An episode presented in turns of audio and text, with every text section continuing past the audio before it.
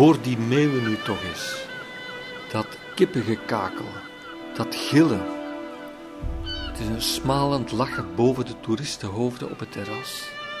Soms ook een ingetogen fluiten, als een koor dat niet kan zingen. Slechts kreten, kreetjes, gepiep. Soms balken ze als ezels. Soms lachen ze. Hun stem slaat door zoals bij pubers. Opdringerig als katten jagen ze in de straten, al van vijf uur s morgens. Ze zijn niet bang in Oostende, de meeuwen. Ze gooien de vuilniszakken om. Ze pikken erin, strooien het afval in het rond.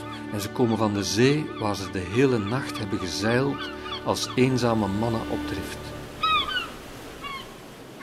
Ik hou van hun schrille, onaangepaste, vormloze geroep. Alsof ze de existentialisten van de vogels zijn. Alles is nieuw en rauw als zij in de wereld verschijnen.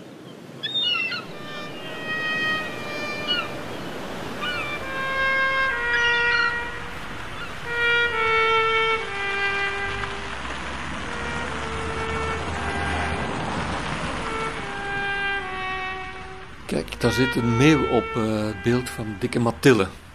Iedereen kent die natuurlijk in Oostende. We zijn hier vlak aan uh, de Grote Post, het vroegere postgebouw, ontworpen door de geniale, tragische architect Gaston IJslink. En kijk hoe breed heel dat gebouw is in natuursteen, heel strak. En bovenop die ingang staat dan dat beeld van Cantré, heel vrouwelijk, brons, uh, wellustig kan je ook zeggen. En dat beeld was heel erg belangrijk voor, um, voor IJsselink, omdat hij had een gebouw gemaakt dat heel strak was en hij wilde daar dan een beeld op zetten dat dat op een of andere manier brak en aanvulde, namelijk in hele zachte, ronde vormen. Maar de opdrachtgever zei, ja, misschien is dat niet nodig. Misschien kunnen we daarop besparen waarop IJsselink woedend was. En zei, als dat beeld er niet op staat, kun je net zo goed de toiletten weglaten. Zo essentieel is dat.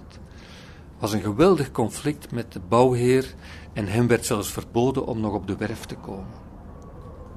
Tien jaar na zijn dood hebben ze het beeld erop gezet. Hij heeft het nooit niet gezien, het beeld. Die combinatie van het beeld van Cantré met die wulpse vormen, zijn vloeiende vormen, vrouwelijke vormen en dan die strakke lijn van die gevel van IJsling, dat is fantastisch.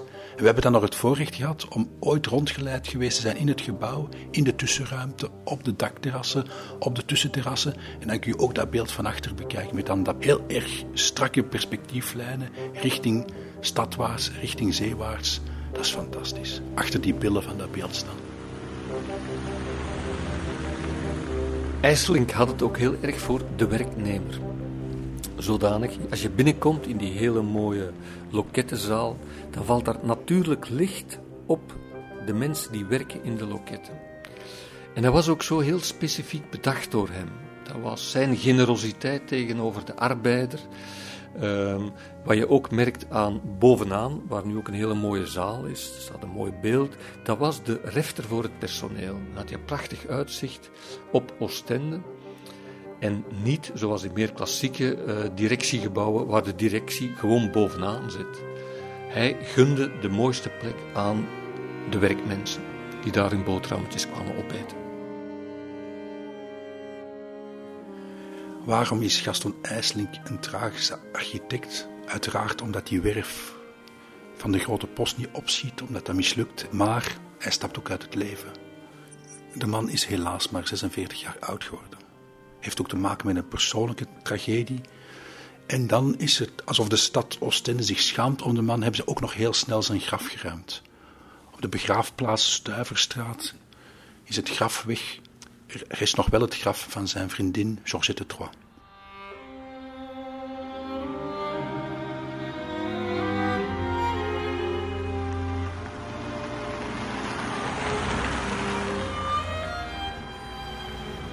We zijn hier op de begraafplaats Stuiverstraat. Dat is eigenlijk het nieuwe kerkhof, het nieuwe, de nieuwe begraafplaats, want eigenlijk is er ook een op de Nieuwpoortse Steenweg. Die is nog ouder. En typisch voor deze begraafplaats is dat er hier die graven die liggen echt boven de grond. Het zijn koffertjes waar de mensen in zitten. Zo'n beetje buiten de stad. En de lucht is weer geschilderd voor ons. Prachtige blauwe lucht met een paar wolkjes en die zijn dan zo uitgestreken. Een schilder hoeft hier niks meer te doen. En als je hier binnenkomt, links en rechts staan twee pleuranten. Prachtige art beelden, heel verstild, treurende figuren. Dan hier naar rechts. Hier om de hoek tussen al die oude, hele monumentale zerken ligt er één heel bijzondere. Hier om de hoek. Het is een smalle zerk en die ligt eigenlijk helemaal scheef. Het is een brute steen en vooraan staat G. IJsselink architect. Heel vreemd, alsof het een huis is dat hij gebouwd heeft voor zijn, uh, zijn vriendin. Het was ook echt wel tragisch. Hij was helemaal verwikkeld in een echtscheiding. Had een, iemand leren kennen, Georgette Trois. En na een half jaar sterft hij aan kanker. Dat plots heel snel gegaan en de man was helemaal uh, de putter van in. En heeft dan ook, uh, is uit het leven gestapt um, in de Kemmelbergstraat. Maar dit is eigenlijk zijn laatste huis dat hij gebouwd heeft. Het is heel asymmetrisch en het is ook heel bruut. Bovenaan, en dat vond hij heel belangrijk, de onbewerkte steen wilde hij tonen. En zoals je ziet, hier hebben enkele mensen enkele steentjes op die zerk gelegd, die toch ook weten wat de symboliek is uh, van, van dit graf als laatste huis dat, dat uh, gebouwd heeft. Je kunt kunstenaars bekijken vanuit het aspect kunst en de kunstwerken die ze achtergelaten hebben. Maar net zo interessant vind ik om de biografie van de kunstenaar ernaast te leggen en te zien hoe dat, dat met elkaar verbonden is. En dan kom je toch ook aan een soort universele waarheden die relevant zijn voor iedereen. En in het bijzonder bij architect IJsselink, ja, het was een tragische architect. Hij schrijft uh, na het overlijden van zijn vriendin een brief waarin hij iedereen met naam noemt die hem kwaad heeft gedaan. Een hele boze brief. En op dat moment stapt hij uit het leven. En ook zijn schuldeisers. Want hij zat in financiële problemen en ook al die schuldeisers worden heel gedetailleerd opgesomd. De een die nog wel postuum terugbetalen, de ander absoluut niet. Dus dat staat er ook allemaal in, heel erg gedetailleerd. Ja, maar wat is uh, uit het leven stappen ook? Dat is toch ook uh, een extreme teleurstelling in combinatie met een grote eenzaamheid en een woede. Want het is natuurlijk heel gewelddadig uit het leven stappen.